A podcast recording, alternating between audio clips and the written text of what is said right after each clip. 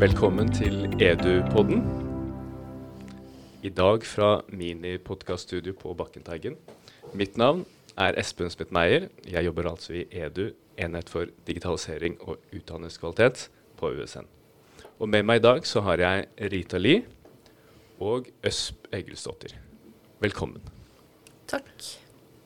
Og dere to er programkoordinatorer for fleksibel sykepleierutdanning, som startet opp nå i høst. Og kan dere aller først, eh, Rita, hva er fleksibel sykepleierutdanning? Fleksibel sykepleierutdanning er eh, en utdanning som rekrutterer studentene fra distrikt til distrikt.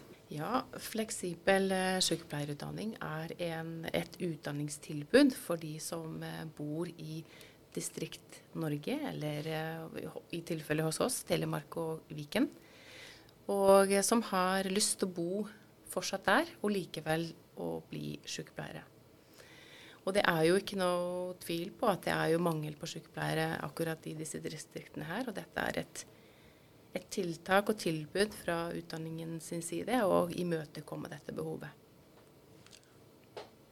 Veldig bra.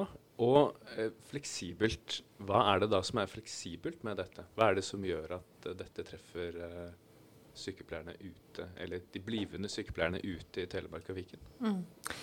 Ja, Det er fint du spør akkurat om det. For det med fleksibilitet i utdanning, det er vi liksom ikke Er vi liksom enige om? Har vi en sånn felles forståelse av hva det egentlig er? Og så er det gjort eh, noen studier og rapporter på det. Og så sier man at eh, fleksibilitet, det er å sette den eh, studenten, altså den som skal lære, i sentrum eh, via ulike læringsaktiviteter. Eller at man bruker en variasjon av eh, læringsstrategier eh, for at studentene skal oppnå den kunnskapen som de trenger for å bli sykepleiere, sånn i dette tilfellet. da. Eh, og det kan f.eks. være at hvis man ser på praksis, som halve sykepleierutdanningen er jo praksis, hva betyr det med fleksible praksisplasser f.eks.? Jo, det kan bety at eh, man strekker eh, praksis ut i tid Eh, altså Tradisjonelt har praksis vært f.eks. ti uker på heltid, mens vi nå strekker den utover 15 uker, som gir en fleksibilitet til studentene. Eh, og vi bruker, når det gjelder fleksibilitet i forhold til de teoretiske emnene, da, så kan vi si at eh, vi bruker en variasjon av ulike undervisningsmetoder som gjør det fleksibelt. Og så låser vi ikke student... Vi låser ikke undervisningen til å være på campus med fysiske samlinger. Det er litt nytt, det, vi, det, grepet vi gjør. At vi gjør læringsressursene tilgjengelige for studentene. Altså at de kan se på dem når de vil, og hvor de vil, og hvor ofte de vil. Eh, og det er en variasjon i forhold til eh, hvilke læringsressurser vi også eh, anvender. da. Alt fra bøker til podkaster til filmer til digitale læringsplattformer som Medisi f.eks. osv. Mm. Og selve undervisninga, for det, var jo, det er mye det vi kaller asynkrone ressurser, som de kan sitte og jobbe med hvor de vil og når de vil. Men er det også noe undervisning, sånn sanntidsundervisning? Hvordan foregår den? Ja, det er også et veldig godt spørsmål. Og eh, vi har jo eh, designet utdanningen så langt eh, nå første året, som er eh, etter prinsippene til Flippa undervisningsdesign. Og, eh, og, grunnlaget i det Flippa undervisningsdesignet vårt er individuelle læringsstier. Og det betyr, for å bryte det enda lenger ned, så er det hver læringstid er tre ukers varighet. Og inn i de eh, tre ukene er det da eh, ulike webinarer som er da synkront, at det er her og nå. Og i tillegg til det så kommer jo da utnyttelse av disse digitale læringsressursene mellom de ulike webinarene. Så det er egentlig blanding av eh, asynkront og synkront eh, undervisningsopplegg. Mm. Og alt foregår eh, på nett? Mest, altså, ja, vi kan godt si ja til det. Alt foregår på nett. Men samtidig så har vi nå i høst eh, møtt studentene våre ved tre anledninger. Eh, men mesteparten er på nett. Skal det fortsette å være møter også fysisk med studentene? Ligger det inne i undervisningsplanen for fleksibel sykepleie? Du vet hva, I og med at eh, sykepleierutdanningen er liksom sammensatt av, av, det som er liksom praktisk og teoretisk, så vil vi eh, Vi har møtt Vi har hatt lite fysiske samlinger i høst. Da har vi møtt i Jeg tror jeg telte 25 ganger eh, på nett. Eh, og tre ganger fysisk. Og så vil det bli litt eh, endring i det nå i dette vårsemesteret. Fordi at eh, da det de skal lære dette semesteret, må de nesten møtes for å kunne klare. F.eks. sånne praktiske ferdigheter som man skal kunne som sykepleier, som er vanskelig å gjøre over nett. Så da må vi simulere det på en eller annen måte. Mm. Så det vil liksom bli en Men vi tilrettelegger det vi hele tiden tenker, det er at hvis vi skal møtes fysisk, så må vi argumentere med hvorfor skal vi det. Hva er det som skal skje fysisk som vi ikke klarer å få til på nett. Og det er ikke fordi at vi syns det er så innmari gøy å bare være på nett. Men det er jo fordi at studentene våre bor så veldig spredt. Eh, hvor det kan være opptil fire-fem timer fra den ene ytterkanten i kommunen til den andre. Så at vi da skal eh, si til de at nå må dere komme, møtes fysisk og for at de skal kjøre f.eks. fire timer da, for å treffes fysisk, så må vi argumentere veldig godt for hvorfor vi skal gjøre det. Eh, for dette er jo studenter som eh, vanligvis ikke ville hatt muligheten til å ta høyere utdanning eh, hvis ikke de hadde fått dette tilbudet. da. Fordi at de er bosatt i hjemkommunen sin, de er bundet opp til kyr og unger og hjem og jobb i sykehjem f.eks og har ikke anledning eller muligheten til å kunne flytte til Porsgrunn f.eks. For, eksempel, for å ta en heltidsutdanning der. Så det må jo vi ta med oss videre når vi, hele tiden når vi planlegger. Og så er det jo litt eh, artig også at når vi snakker om at vi skal treffes fysisk, så er jo ikke det i Porsgrunn eller i Drammen. Så er jo det på satellittcampusene våre, hvor eh, Campus Notodden er Eh, det stedet for eh, Telemark-studentene våre. Og så er det da Torpomoren oppe i Ål som er det stedet som vi møter dem fysisk. Og det er litt sånn artig å tenke på at studentene har jo faktisk ikke vært på campus. Som for oss som har et forhold til campusene våre, tenker umiddelbart. Mm. Den organiseringen, det at de ikke er på campus, da, eh, og at de er oppe i Torpomoen og Nå skal vi faktisk bruke Notodden videregående skole, og vi skal bruke sykehusstuger og Bø sykehjem osv. At vi bruker liksom mange læringsarenaer uh, utover det campus, campusene våre. Da. Så her er vi fleksible og, og åpne og ser hele tiden etter muligheter. Og det gjør jo at, som vi sikkert skal snakke kanskje litt om etterpå, Espen, med Canvas. At, eh, at når man skal forholde seg til et, eh, et, rigid system, som denne læringsplattformen er, mens man på den andre siden skal være fleksible og innovative, det kan være litt vanskelig å forene noen ganger. ja, men da fører du oss fint over i Canvas. For det var jo det er en av hovedgrunnene til at vi snakker sammen akkurat i dag. Fordi eh, før sommeren så fikk jo Edu og jeg et lite oppdrag i å å komme med forslag til hvordan vi kan legge opp et Canvas-emne, Canvas-rom for fleksibel sykepleierutdanning. Og jeg skjønner jo, basert på det dere sier, at eh, ja, er, Canvas er ikke veldig fleksibelt nødvendigvis, men det virker jo veldig sentralt i denne utdanningen når det er så mye som foregår på nett, og såpass relativt sett lite som foregår eh, fysisk. Så vi kan jo tenke på Canvas, vi har det foran oss. Eh, hvordan syns dere at det fungerte, det forslaget som vi utarbeida før sommeren, som jo kanskje kan oppsummeres i en forside med litt praktisk informasjon og læringsinnhold lagt til disse læringsstiene i moduler. Én modul tilsvarende én læringssti. Det kan vi vel røftlig oppsummere at var designet. Hvordan, eller er du enig? Hvordan har det fungert? Ja, eh, vi kan jo si at eh, det som denne utdanningen her har, Vi har et eh, unikt behov for å samle informasjon. fordi at vanligvis så har jo ett emne ett canvasrom.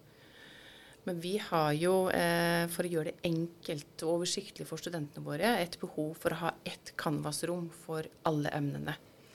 Og det krever litt annen tankegang og annen struktur, og ikke minst i forhold til informasjonsflyt, enn det gjør i heltidsutdanningen, hvis vi skal sammenligne oss med det. Og, eh, og det har vært eh, utfordrende å tenke nytt. men Samtidig så kan man jo ikke ha tenkt alle tankene ferdig før vi setter i gang og tester ut. Eh, også som Rita var inne på her i stad, så er jo administrative systemene våre de er rigide. Og den koblingen mellom FS og Canvas, og at det opprettes et Canvas-rom i forhold til ett emne, at, eh, som vi måtte finne måter å slå dette sammen på og lage et fleksi sykepleie-Canvas-rom som skulle rome egentlig fire emner. Samtidig som skulle fungere som et kullrom, som mange av eh, som er velkjent innenfor heltidsutdanningen. Men eh, vi landet på en struktur som eh, kunne gi oss i hvert fall en, en god start til å eh, tenke videre og, og prøve ut eh, det vi gjorde. Ja, for Det vi også har snakket om, da, det er at de, det som også er liksom viktig for oss, det er at vi har ikke sånn siloundervisning. Vi har ikke sånn ett emne ferdig, neste emne ferdig. Vi har to emner som går parallelt. Eh, hvor vi prøver å integrere kunnskapen fra de to emnene, for det tror vi sånn pedagogisk er lurt. Og eh, bidrar til større forståelse og læring hos studentene. Så, men Canvas vet du, har jo et administrativt system som på en måte tvinger fram en silotenking. Eh, fordi at det opprettes ett Canvas-rom for hvert emne. Vi ønsket ikke at studentene som da skal ha en integrering av kunnskap fra to ulike emner, måtte forholde seg til to ulike Canvas-rom. Det ble bakvendt for oss. Så det er jo litt interessant å se hvordan systemene våre på en måte kanskje legger litt retning for hvordan vi legger opp studieløpet, da. Det har vi snakket litt om. Men vi fikk det til. Men det var litt sånn klabb og babb. Eh, og, og, og, bare det å få kalle rommet for fleksibel sykepleierutdanning, da måtte vi også gå noen runder. Så mm. Men det er som uh, Øsp sa, at uh, ting må gjøres første gang. Og dere er jo sånn sett pionerer og gjør dere noen veldig viktige erfaringer. Mm. Både for dere innad på fleksibel sykepleie og mange andre fleksible ideer rundt omkring på USN. Det er jeg helt sikker på. Mm. Og så sa du, Øsp, du la jo vekt på at dere har et flippa-opplegg. Mm. Og disse læringstidene skal være flippa. Og vi snakket litt om før vi startet også, podkast er jo en av de digitale læringsmidlene som dere bruker. Dere har andre også, du var inne på det, Rita. Mm. Det handler jo mye om at studentene skal være forberedt når dere kommer til undervisninga. Denne flippa tilnærminga. Mm. Opplever dere at studentene er forberedt? Vi opplever at at de 52 studentene som vi har i vårt uh, utdanningsløp, at de er aktive. De er på. Uh, og uh, eh, f.eks. vi på de fagwebinarene, eh, som er de eh, fordypningswebinarene våre, hvor vi integrerer kunnskap eh, både fra, som Rita sa, fra Nattvit og Sykepleiervit i disse fagwebinarene. Vi er da vi fem timer på Zoom. Og vi blir faktisk eh, arrestert hvis vi driver og repeterer det mm. vi har allerede gitt beskjed om mm. at studentene skal forberede seg på. Mm. Eh, så ja, de mm. kommer forberedt, og de møter på webinarene våre. Og da må jeg bare si at de webinarene er ikke obligatoriske. Vi har ikke noe obligatorisk eh, oppmøte i de teoretiske emnene. Vi orket ikke å være sånne barnehagetanter som skal gå og sjekke nærvær og levere inn og godkjenne og alt det der. Vi lager et, eh, et eh, design som vi håper hjelper studentene til å få den kunnskapen de trenger. Og så er det opp til dem om de velger å bruke det eller ikke. Mm. Um, men det er jo litt sånn artig som Øsp sier, da, at for vi legger ut eh, i Canvas, så har vi disse læringstidene. De er tre uker. Og så skriver vi til de dette må du gjøre før samling, dette skjer under samling, og dette skal dere gjøre etter samling. Dette er bærebjelken, de tre bærebjelkene i uh, Flip Classroom-designet. Uh, og hvis vi på en måte begynner å på fagwebinaret å gjenta noe av de innholdet i de digitale læringsressursene, så de liker de ikke. Så skriver de skulle vi ikke, skulle vi ikke ha gjort dette på forhånd, da? Altså sånn, de, de, vil ikke ha den igjen. Det er jo kjempegøy. Mm. Det er skikkelig bra. Men uh, vi må ta oss litt sånn i det at vi må ikke reforelese. Vi må på en måte ikke Så vi har klart å oppdra de mm. i anførselstegn, som ikke du ser nå på podkasten, men sånn oppdra de fra dag én. For da var vi veldig tydelige på dette med forventningsavklaring. Vi snakket om designet, hvordan det fungerer. Mm. Så har vi fått til. Ja, jeg syns sammen med en uh, god gruppe av studenter så har vi fått dette til, uh, til å fungere i, uh, frem til nå. Og når dere da har fem timer på Zoom hvor dere ikke skal forelese, mm. hva gjør dere da? Ja, vi Vet du hva, det er liksom det, det å finne meningsfulle læringsaktiviteter som er i sammenheng med de digitale læringsressursene som de har forberedt seg på, det er ganske krevende. Um, og det er mye man kan gjøre, men det å sette seg ned og så tenke hvordan skal vi gjøre dette Det skal være en sammenheng, det skal være sammenheng med læringsutbyttene, det skal være på riktig taksonomi, altså læringsnivå. Uh, det skal gjerne være litt individuelt og kanskje også i gruppe gruppene, læringsgruppene, eller kanskje ikke. Eh, kanskje vi skal gjøre noe kreativt og morsomt med Mentimeter. Eh, andre digitale verktøy som ØSP bruker med Body Interact, som er sånn virtuell pasientsimulering. Så det er det som tar veldig tid. Det er å gjøre disse aktivitetene. Fordi én ting er jo liksom å gi de gode digitale læringsressurser, men hva skal du bruke alle disse timene til, da, som, er, som gir læring, det er, det er ganske krevende, syns jeg. Det er krevende fordi at uh, som, det, som, vi sa, vi skal ikke repetere. Uh, vi skal fordype oss, vi skal eh, dissekere kunnskap, vi skal grave oss ned i, vi skal utforske. Og, og det å gi slipp av å forelese eller presentere fagstoffet, det er kanskje det er litt utfordrende som lærer. Mm. Um, men vi har jo uh, bygd opp fag, fagwebinarene på denne måten at vi har to eller tre tematikker som vi skal fordype oss i og se spesielt på.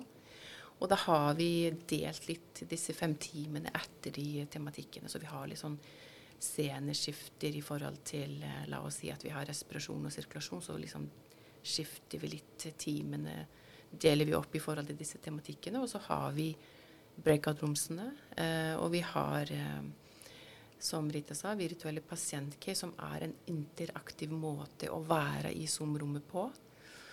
Og de er også utrolig aktive i chatten. Det er, en, eh, det er også en arena hvor du engasjerer deg i det som skjer. Og det er ikke bare at det er eh, vi lærerne som svarer, men de alle svarer litt forskjellig og bidrar på denne måten til, eh, til læring og diskusjoner i det fellesskapet der. Mm. Og det utvikling av et lærings, digitalt læringsmiljø er jo også noe som eh, vi kjenner vi, vi, føler kanskje at vi blir bedre og bedre på det, for at vi erfarer også hvilke faktorer er det som popper opp som er viktig å vektlegge her. Og, men det er et element i dette her som vi må ha med oss hele veien. Hvordan, bi, hvordan skaper vi et godt læringsmiljø? Mm. Um, så det å være fem timer på Zoom, det er lenge, men vi har liksom prøvd å mm. dele det opp i interaktivitet. Da.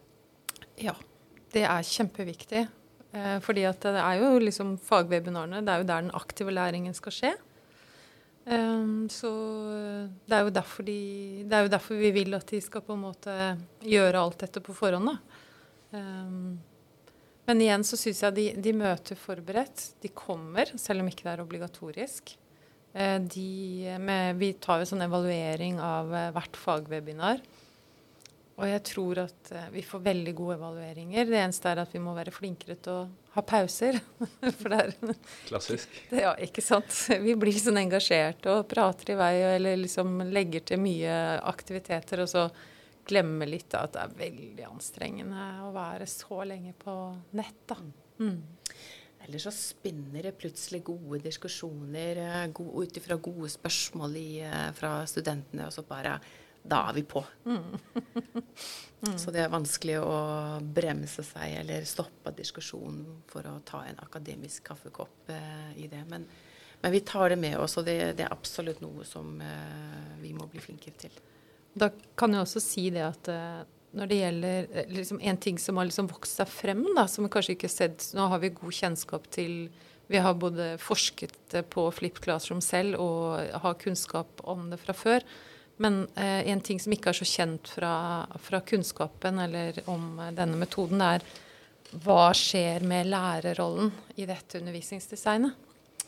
Eh, Øspen snakket jo litt om det nå i sted. Det der å ikke reforelese. ikke sant? Altså, og det der å være akt, eller legge opp til aktiviteter, være i dialog, være fleksibel, aldri vite på en måte hva, hvilke spørsmål som kommer. ikke sant? Altså den derre utfordringen der. Så det, det, er jo noe vi ønsker, eller vi skal titte nærmere på. hva hvilke endring skjer av lærerrollen. Så det skal vi vel etter hvert skrive noe på. Sånn. For ikke sant, I, eh, et, eh, i normal undervisning for 50 studenter som dere har, vil kanskje vært et auditorium. Og da står jo dere som underviser på et podium og prater. Mm. Mens i Zoom så er jo dere bare én annen skjerm ved siden av alle de andre skjermene. Mm. Det blir jo mye mer mm, likestilling av deltakerne på en måte i rommet mm. på Zoom. Har dere tenkt noe over at det kanskje bidrar til den nye rollen dere kjenner på? Ja, det er sant. Man har ikke den scenen, nei. Det er helt riktig, det. Mm. Nei, det, jeg har ikke tenkt på det på denne måten. Men uh, jeg har tenkt på at det, det, stiller noen andre eh, hva skal jeg si, sånn tilleggskrav til deg hvis du skal drive og være en flippa lærer. Eh, og det er både faglig og personlig krevende, fordi at eh, du må det, det, må rome så mye. Du må være fleksibel sjøl. Det dukker opp noen eh, tekniske utfordringer her og der. Hvordan eh, løser vi det? Og bare så det er sagt, det er nok lurt og veldig viktig å være flere enn én faglærer i et femtimers timers webinar. Eh, så, men vi har jo lyst til å se, se, litt sånn ekstra på det. Hva er det som skjer? Eh, for at du definitivt dyttes ut av komfortsonen din. Mm. Det er veldig behagelig å stå og bli ferdig med den tre timers undervisningen, og så kan du, går du ut den døra.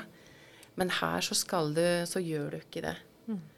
Fordi at dette skal gjerne Den røde tråden mellom fagene skal ivaretas.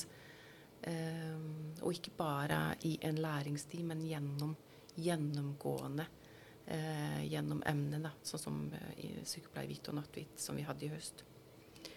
Og så, så hører vi også at Og det er jo mange som har flippa på ulik måte. Vi hører at folk sier at Men jeg har jo drevet med flippa-undervisning. Men det er jo ikke bare å ta forelesningen og gjøre den digital. For det som Rita pekte på i stad, det er noe som skjer i forkant. Det er noe som skjer underveis. Og det er noe som skjer etter. Mm. Og vi har helt eh, konsekvent vært eh, tro mot det designet. Og det krever en annen pedagogisk tenkning. Og da kan vi også kanskje si da, eh, at eh, vi har ikke hatt i Når nattvits, så er det naturvitenskapelige emner. Altså de skal lære anatomi, fysiologi og mikrobiologi eh, det første halvåret. Og så avsluttes da det semesteret med denne fryktede og beryktede nasjonale eksamen i anatomi, fysiologi. Og det er jo Den startet jo i 2015. Eh, NOKUT som står bak den. Eh, så alle sykepleierstudenter i hele landet tar den eksamen i slutten av desember. Og da kommer jo resultatene nasjonalt, så man kan sammenligne seg med hverandre. Og man har rangering fra topp én til, eh, til bunn. Eh, man skriver om det i ulike tidsskrifter som er relevante for høyere utdanning osv. Så, videre. så alle er veldig spente på disse resultatene når de kommer. Og vi også var jo utrolig spente, fordi vi har jo ikke Undervisningen har vært på nett. Studentene har sittet altså da i kommunene sine rundt omkring i Telemark og Viken, tilegnet seg dette fagstoffet. De har også jobbet mye i læringsgrupper. Men de har ikke hatt en eneste tradisjonell eh, forelesning. Eh, sånn monologisk eh, forelesning. De hadde mye annet da, som vi har snakket om nå. Eh, så vi har jo liksom gitt den på båten, da, denne tradisjonelle forelesningen. Og hvordan kom dette Er du spent nå? Jeg er ekstremt spent. jeg ser det på det. Nei da, vi eh, kom da på en eh, sjetteplass i forhold til poengsum og i forhold til strykprosent. Eh, strykprosenten nasjonalt er på 25,1% og vi hadde 14,5 Så vi er blant de topp ti, eller altså topp seks eh, i landet. Av ca. hvor mange? 18 utdanningsinstitusjoner som tilbyr eh, Men det er flere enn 18 fordi uh, ja, fordi at USN har jo flere. Ikke sant. Ja. Så, men av 18 utdanningsinstitusjoner så kom vi på sjette. Og det som er liksom Ja, det er så gøy, og vi er så letta og stolte over de utrolig flinke studentene våre, for det er jo de som har gjort jobben. Definitivt. Og det er jo det som kanskje er noe av clouet. At mm. dere har latt dem gjøre jobben. At mm. de har blitt satt til å gjøre en aktiv jobb underveis. Ikke sant. De, vi har tilrettelagt for dem. Gitt de, guidet de liksom, og veiledet de. Og så har uh, de gjort jobben. Men det var jo en sjanse å ta dette her. Og så vidt vi vet, så er jo vi den første eh, bachelorutdanningen i landet som gjennomgående bruker Flip Classroom. Uh, mm. Så, så, men dette ble jo på en måte en litt sånn Vi vet jo at vi kan få andre resultater neste år. Dette er liksom engangsmålingen. Men jeg tror ikke at det kun bare var flaks. Jeg tror at dette systematiske arbeidet vi har lagt ned i dette, Eh, gir eh, resultater. Eh, og det er mange faktorer som spiller inn på læring. det er ganske sånn sammensatt og komplekse prosesser, egentlig. Men vi har, vi tror at det Vi har troa på at det opplegget vi har laget, det funker. Og så har vi dette eksamensresultatet, så får vi se neste år også. Så, ja. Men det, hvert fall, det er veldig gledelig, da. Ja, for nå har jeg hørt at både dere har fått en veldig god, uh, godt resultat på den nasjonale NOKUT-prøven, og at studentene også er fornøyde. For det er jo ikke alltid det er samsvar mellom de to. Men når det er samsvar både mellom at de er fornøyde og de virker som de får med seg læringsutbytte også, så er det jo eh, to av to. Mm. Så jeg vil jo oppfordre dere veldig til å utforske litt det dere har snakket om, den lærerrollen, den følelsen dere har underveis og etter å ha undervist på den flippa måten mm. som du snakket om, Rita, at kanskje ikke har vært så tydelig framme i kunnskapen før. Mm. Kanskje det ligger noe der. Altså, mm. Det må dere bare. Finne ut av, tenker jeg. Mm. For alle våre andres del også. og så så jeg Jeg har vært inne og sett i uh, Canvas-emnet, uh, og at uh, dere sier at flippa av metodikk hva skjer før? Noe skjer før, under og etter. Det er gjennomgående. Og så er designet på modulene vært litt forskjellig. Og det har jo sikkert å gjøre med at det er uh, mange forskjellige inn som Jeg gjetter at de jobber på vanlig sykepleie, og så kommer de inn og jobber også på fleksisykepleieemnet. Hvordan har det fungert? Har, uh, klarer studenten å forholde seg til flere forskjellige design, eller er det en tanke om å ensarte det litt mer etter hvert, eller hva? Ja. Det er jo kanskje den, uh, noe som vi opplever akkurat nå, en stor utfordring. Det er å hvordan eh, designer og strukturerer den informasjonsplattformen som eh, Canvas er, slik at eh, studentene vet hvor de skal finne den informasjonen de er ute etter. Og, og frem til nå så har vi så har vi hatt det ganske travelt med å holde tak i den faglige biten i sykepleierutdanningen. Og Canvas har eh, hengt litt etter. Men nå ser vi at eh, eh, at det er litt sånn forskjellig som er der. Og vi skulle gjerne bare bestemt oss for å utvikle en, blå, altså en fasit på hvordan det skal være. Og så har du da disse teoretiske emnene som eh, har jo disse bestemte læringsstiene, og så har du da eh, de mer praktiske emnene som eh, klinisk praksis, og så da ferdighetsemnene, da, som metode 1 f.eks., som inneholder disse praktiske eh, prosedyrene som ikke kanskje var naturlig å kalle det og dele det opp i læringsstier sånn, som sådan. Men så vi, eh, vi er eh, Og det er, eh, det, er over, det er, mye informasjon som skal inn på ett sted. Så, og studentene de har jo gitt tilbakemeldinger at det er vanskelig å finne informasjon. Mm. Um, mm. Og jeg, igjen så har jeg liksom tenkt at for det første så er jo bare liksom Canvas er jo eh, Nå har jeg brukt Canvas siden vi fikk det her, og det, har jo nær sagt ikke endret seg. Sikkert masse funksjonaliteter, men sånn der det visuelle er jo bare så traust og kjedelig. Og det er så lite rom for å, å, leke litt og gjøre det litt mer visuelt innbydende. da. Om det, hvorvidt det har betydning for eksamensresultatet eller ikke, det vet jeg jo ikke.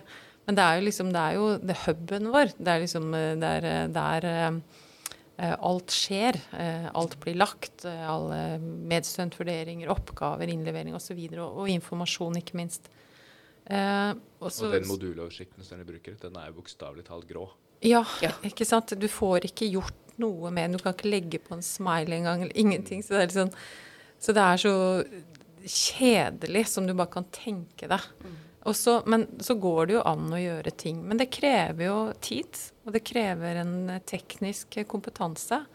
Eh, Østpar er kjempeflink på det. Jeg er sånn passe, og det er sikkert mange faglærere som ikke er det. Så det er liksom veldig sånn strekk i laget. Eh, mye man kan gjøre i Canvas, men det er ikke så intuitivt og enkelt. Eh, det er mange men, som kjenner seg igjen i det, tror jeg. Ja. Så liksom så da gjør du det beste, ikke sant. Og så er det noen som finner ut av å ja, kanskje jeg kan gjøre litt sånn også kommer neste emneleder, og så Nei, det kan jo ikke jeg, ikke sant. Og så blir det litt mer sånn hulter og bulter og litt sånn forskjellig. Så vi driver nå faktisk og tenker på måter vi kunne utviklet Canvas-rommet, slik at det eh, kunne tilpasses et, et sånn megakullrom som dette blir jo egentlig. Mm. Eh, F.eks. så kunne vi eh, nå, nå er dette et Canvas-rom som har fire emner. Og på forsida så hadde du laget til oss f.eks. faner. Eh, sånn bortover til høyre hvor det står 'snarvei til læringsstiene', timeplan, emneplan. Så du kunne bare klikke, og så åpnet disse fanene, og så kom det noe informasjon.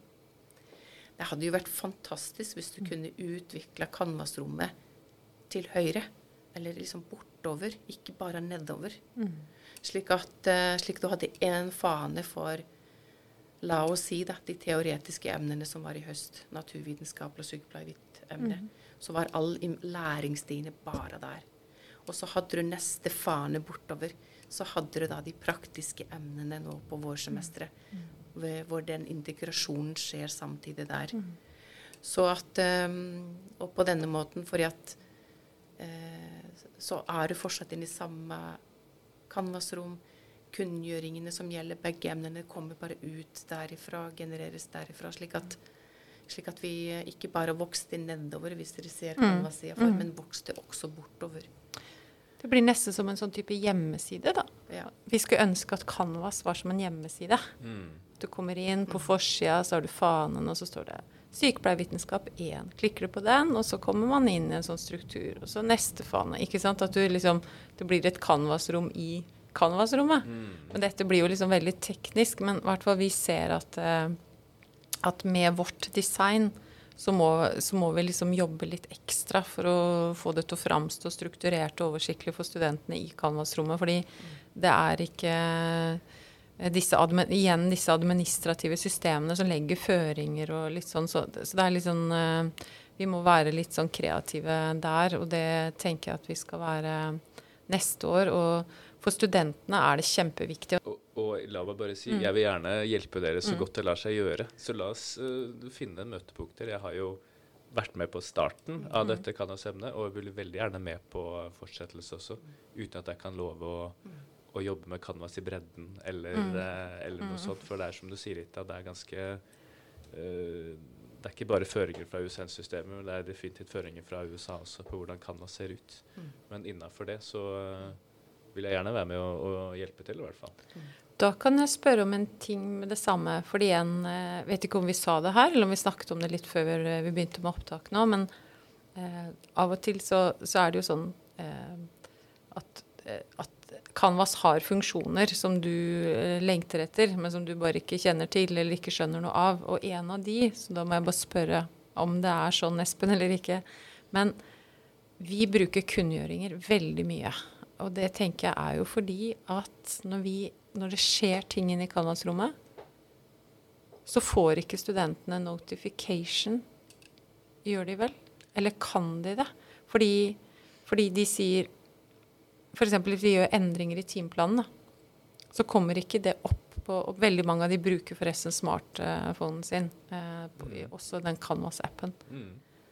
Får de da notification at nå har Rita lagt ut noe nytt i Eller lagt ut en revidert timeplan? Eller lagt ut noe nytt i en eller annen modul? Det er ganske si, granulerte muligheter for eh, varslinger. Og det er jo studentene selv som styrer. Men det er en varsling som de kan få? Jeg er ikke helt sikker på hva, om timeplanvarsling, men det kan vi se på. Absolutt. Og jeg, jeg, tror at det dere har vært inne på, da, er jo at én ting er Canvas som læringsplattform. Eh, faktisk læringsressurser og disse læringstidene, som du virker som du fungerer bra som. Og med det med den praktiske informasjonen, det skal jo ikke underslås eh, at det også er veldig viktig, spesielt på et sånt både da desentralisert og eh, deltid. Mm. Så to deler, liksom. Da blir det ekstra viktig å få mm. å ha det på plass. Mm. Så som sagt, jeg kan ikke love noen løsninger på alt, men mm. det viktigste er jo at dere har dette langt framme og se på det som, som mm. viktig. Og jeg tenker jo at f.eks. det med varslingen, når vi finner ut nøyaktig hvilke varslinger som funker for hva, mm. så kan det være en del av de forventningsavklaringene dere har med studentene når dere møtes helt i starten. Mm. At ønsker dere å holde dere oppdatert, sørg for å ha varslingsinnstillingene sånn og sånn og sånn, fordi det er måten vi kan nå dere på. Mm. Ja, for det er jo også en informasjon, viktig informasjonskanal for studentene. Ja. Så kanskje vi kan gå, komme litt sånn bort fra alle kunngjøringene hele tiden. Og så bare tenke at uh, igjen, disse kvalitetssystemene, at ikke det glipper med informasjon. ikke sant? Fordi at hvis du gjør endringer, så må du nå liksom også huske at da må du legge det ut og kunngjøre, for jeg er sikker på at alle får det med seg. og sånn.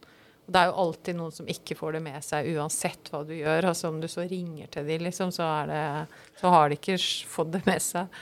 Så, men uh, Ja, men det var, det var lurt. Det må vi, vi kunne ha det som en sånn standardinnstilling egentlig på den appen. Da, at de må liksom ta det bort, kanskje, hvis de ikke vil ha uh, oppdaterte varslinger hele tiden. Personlige, så det må studentene ja, ordne okay. selv. Men ja. uh, det kan de gjøre. Mm. Det som vi også kunne gjort, uh, det er å lage en sånn video av hvordan du setter varslingene på. Mm når du blir student. Det er jo en, en del av det å bli student i fleksibel, fleksibel sykepleierutdanning. Det er da å læres opp i hvordan du mest mulig måte får ut av å bruke Canvas-appen. Vi kan kanalisere det på denne måten. Espen, hva med å lage en sånn kort sånn TikTok-video om akkurat det der? jeg har min første podkast-sending eh, i dag, så jeg kan godt lage min første TikTok-video også. Ikke sant? Du er klar, du, for ja, nye utfordringer. TV-studio er i naborommet. Så vi får ta det litt senere tidspunkt, men det kan vi prøve. Absolutt. Mm. Og, det, og, det, vi kan også si, da, siden vi er litt sånn inne på TikTok og lager videoer og nå studentene hvor de er, mm. så har vi jo også en Instagram-side. Mm. Vi lagde Fleksisykepleie understrek USN. Og der syns vi at følgerne vokser ganske fort. Mm. Eh, så det må vi også mm, er jo muligheter å legge ut der reels eller TikTok-videoer i minnet mm. på og, mm. og, være litt sånn interaktiv. Vi har liksom ikke klart å gjøre det slik vi tenkte, men eh, vi har jo forbedringspotensialer her og skal eh, må satse litt på å gjøre det også. Eh, lage en sånn eh, markedsførings-influenserstrategi. Og vi syns vi er liksom stolte av at vi har Instagram-konto, men vi er jo sikkert så avleggs, for nå må vi egentlig burde være på Be Real, som er liksom den nye hotte, store appen. og TikTok burde vi sikkert også være på i det hele tatt. Men jeg tror at det studentene ser, da, det er at vi har laget en Instagram-konto. Vi, vi, vi, prøver, vi legger ut ting. Og jeg tror de setter pris på at vi strekker oss liksom litt ekstra, da. Eh, det er vel det de erfarer og ser. Og så er det jo også et eh, vindu for oss, eh, for folk utenfor Canvas, til å se litt hva er det som skjer på fleksibel sykepleierutdanning. Og så har vi også snakket om at vi vil ha en hjemmeside for å både kunne i enda større grad dele, legge ut, være åpne, transparente. Altså folk kan få lov til å bruke hva de vil. Ja, ikke sant. For at det er noe med den, den, det pedagogiske opplegget som vi har brukt så mye tid på å lage. Mm. Og eh, å synliggjøre det mm. på en god måte, det hadde jo vært veldig, veldig fint. Ja, det, må, det syns jeg nesten vi må. Nesten, hvis vi nå finner noe bra Vi bruker uh, mye tid på dette, koster mye penger, og vi finner uh, ut bra ting. Det er nesten sånn umoralsk å ikke dele det, tenker jeg. Så derfor så skal vi jo også rundt på mm. Vi har nå meldt oss på noen forskjellige konferanser og liksom forskjellig. Så dette med, og vi har vært, eh, vi blir invitert av andre utdanningsinstitusjoner til å snakke om fleksibel sykepleierutdanning og designet vårt. Eh, så eh, Ja, for det skulle jeg spørre om. Har dere hørt Har dere fått mye interesse rundt? Jeg skulle jo egentlig tro det, for det er jo et spennende prosjekt. Ja, vi, jeg syns jo egentlig Altså nå har vi Vi er med i en nettverkssamling for eh, desentralisert sykepleierutdanning, heter det. Og der har vi jo hatt fremlegg, og vi skal ha en samling igjen nå i mai. Og vi skal da ha et nytt fremlegg hvor Øsp vet ikke det ennå, men da ønsket de at uh, hun skulle snakke om den endringen av lærerrollen. Eh, dette møtet var i går, og så hadde vi da møte med Universitetet i Agder eh, også i går. Jeg skal snakke til Oslo OsloMet i morgen. Eh, så jeg syns jo Jeg vet ikke hva andre får, ja, men jeg syns jo at vi, vi, har vært i krono i forhold til eksamensresultatene våre der. Vi kommer, skal ha en lang artikkel nå som vi har fått godkjent i Sykepleien, som er liksom tidsskriftet for sykepleierutdanningene, da, eller Sykepleie i Norge. Vi har meldt oss på konferanser, så jeg, nå er vi invitert på denne podkasten. Så jeg syns jo at, uh, at, vi Ja. At vi får oppmerksomhet, og at vi får arenaer eh, hvor vi kan bli invitert, hvor vi kan dele, da. Uh, og igjen, det er jo liksom fordi Tenk kanskje det er mulig at vi blir enda bedre hvis vi samarbeidet og delte enda mer. Det er jo det som er tanken. Mm, ikke fordi at vi er så glad i å reise rundt og prate og prate. Vi har mange ting vi kunne brukt tida vår på, men vi ser på dette som veldig viktig også. Mm. Det er den drømmen du bærer på? Ja, at noe vidunderlig skal skje. Ja, det er at vi alle lærer av hverandre. Ikke sant? Mm. Og det, kanskje noe som vi kunne ha gjort i enda større grad, er jo nettopp eh, eh, Vi har jo laget podkaster Mm. Og vi har jo laget digitale læringsressurser i høst, og mm. mer, mer, det kommer mer. Mm. Og eh, de virtuelle pasientene At vi liksom hadde gjort enda i større grad synlig hva vi faktisk bruker av digitale læringsressurser for å mm. fremme læring. Det kunne vi faktisk gjort. Uh, vi har jo vi bruker DLR-plattformen. Um, og vi ønsker også å utfordre oss sjøl på det å lage et repertoar av ulike læringsressurser som kan brukes hvor som helst i den sammenhengen. Drømmen er jo å lage en sånn ressursbank da, for ja. Eh, sykepleierutdanning første, andre, tredje år. Tenk så fint det hadde vært om vi kunne ut, liksom, eh, utveksle erfaringene, læringsaktiviteter, eksamensoppgaver, digitale læringsressurser, på en måte alt. Eh, det ville vært helt Vi har jo en plattform for å gjøre det, DLR. Men det er også litt sånn med sine begrensninger. Men i hvert fall så langt så har vi lagt ut det vi har produsert, har vi lagt ut der. Så det kan hvem som helst i hele verden gå inn og se på og bruke. Så mm. Nei da, du hører her er det så mange ting. Vi kunne liksom snakket om én faktor liksom i timevis. Så det er ganske sånn kompleks og stort dette her. Så Østpå og jeg vi prøver å holde tunga rett i munnen og Ja. Mm, men uh, det går bra. Det syns jeg nettopp det gjør, at det høres ut som det går veldig bra. Mm. Og nå har vi jo pratet om nettopp, som du sier, Rita, mye forskjellig. Og kunsten deres har jo vært å, å samle det da i ett canvasrom. Og med hell, må vi jo si, faglig sett, når studentene har både kommet fornøyde ut av disse lange webinarene og lært det de skal, virker det som, i nasjonal klasse. Eh, så har jo plattformene sine begrensninger, og det skal vi prøve å jobbe med så godt vi kan. Mm. Med TikTok og, og, det som er, for å prøve å komme rundt. Men uh, alt i alt så høres det jo veldig bra ut. Høres ut som dette går fint. Og uh, det er gøy å høre at fleksibel utdanning på USN står så sterkt allerede på sykepleien. Takk. Takk for det. Så da sier vi tusen takk til Rita og Øsp og ønsker lykke til videre. Og så sier vi takk for oss her fra Vestfold.